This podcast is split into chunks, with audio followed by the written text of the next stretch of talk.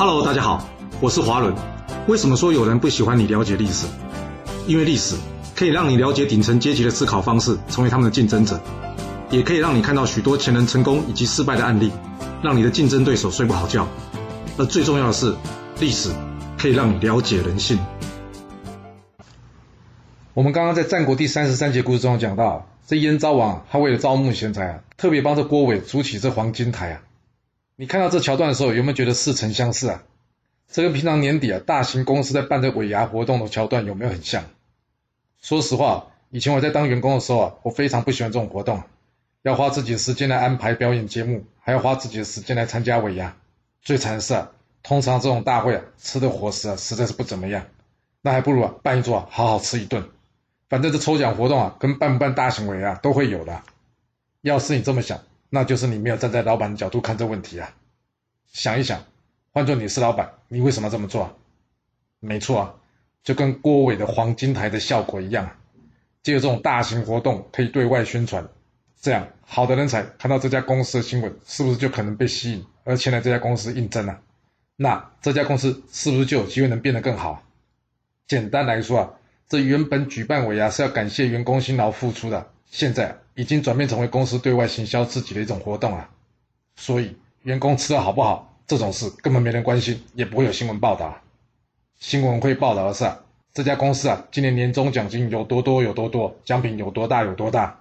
虽然这年终奖金呢，我们从来都领不到这么多，而这奖品呢，好像也很难抽到。但简单一句话来说，就是热闹啦。而且这样办活动啊，还有另外一个好处，那就是员工的家属也会看到。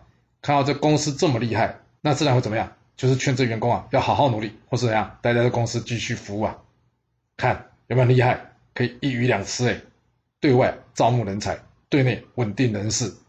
至于员工年终奖金是不是真的有领这么多，吃的好不好啊？这不是这个活动的重点啊。不过真的是这样吗？外面的人或许会因为这样而进来，而里面的人也或许会因为这样而出不去。但是。工作的心态难道不会有一点点的改变吗？就我自己之前所在公司来看呢，算是很早或是最早举办这样活动的公司啊。但是公司的状况也随着这种活动啊每下愈况，很奇怪，对不对？为什么事与愿违啊？因为人是相对的，你不在乎我，我也不会在乎你啊。以前同事们呢会为了帮公司省下两百元呢而拼命说服客户，但是现在同事们呢即使随便让公司支付了一千元啊，对他来说也没有差别啊，因为。这些好处最后又不会到他口袋，甚至啊，他连吃顿好的都没有，那他干嘛还帮你省钱呢？反正公司不赚钱，赚钱都会裁员，他只要想办法保住饭碗。但他的举动对公司是不是有利，好不好，已经不在他考虑的范围之内了。所以啊，这种活动到底好或不好，那就见仁见智了。我之前所在一家外商公司啊，我觉得一开始他制度还算不错的。一，所有的工作目标啊，在设定之前呢，都会与员工讨论。并且尽可能将它给量化或是数字化，虽然这不见得一定公平啊，但是至少跟员工讨论过。而员工达成年度目标百分之一百啊到一百二的时候啊，考绩啊会给他列为合格，也就是 C 等；而达成超过一百二到一百四呢，考绩则是列为优等，也就是 B 等。至于达成超过一百四的，考绩则是列为特优，也就是 A 等了。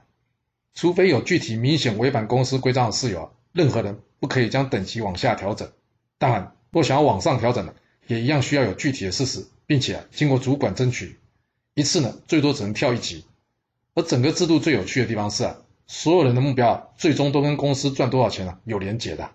比方说这柜台人员呐、人事啊、会计啊这些平常的内勤人员呐，他们的薪水的百分之十啊，取决于本地公司最后的达成率啊。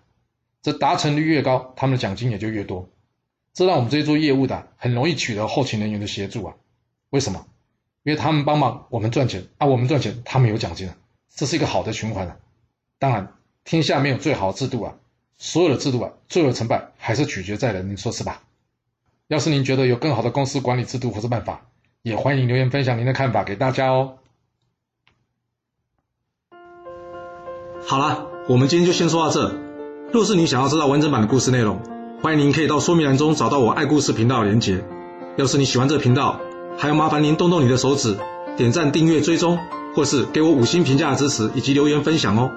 谢谢您来收听，我们下次再见。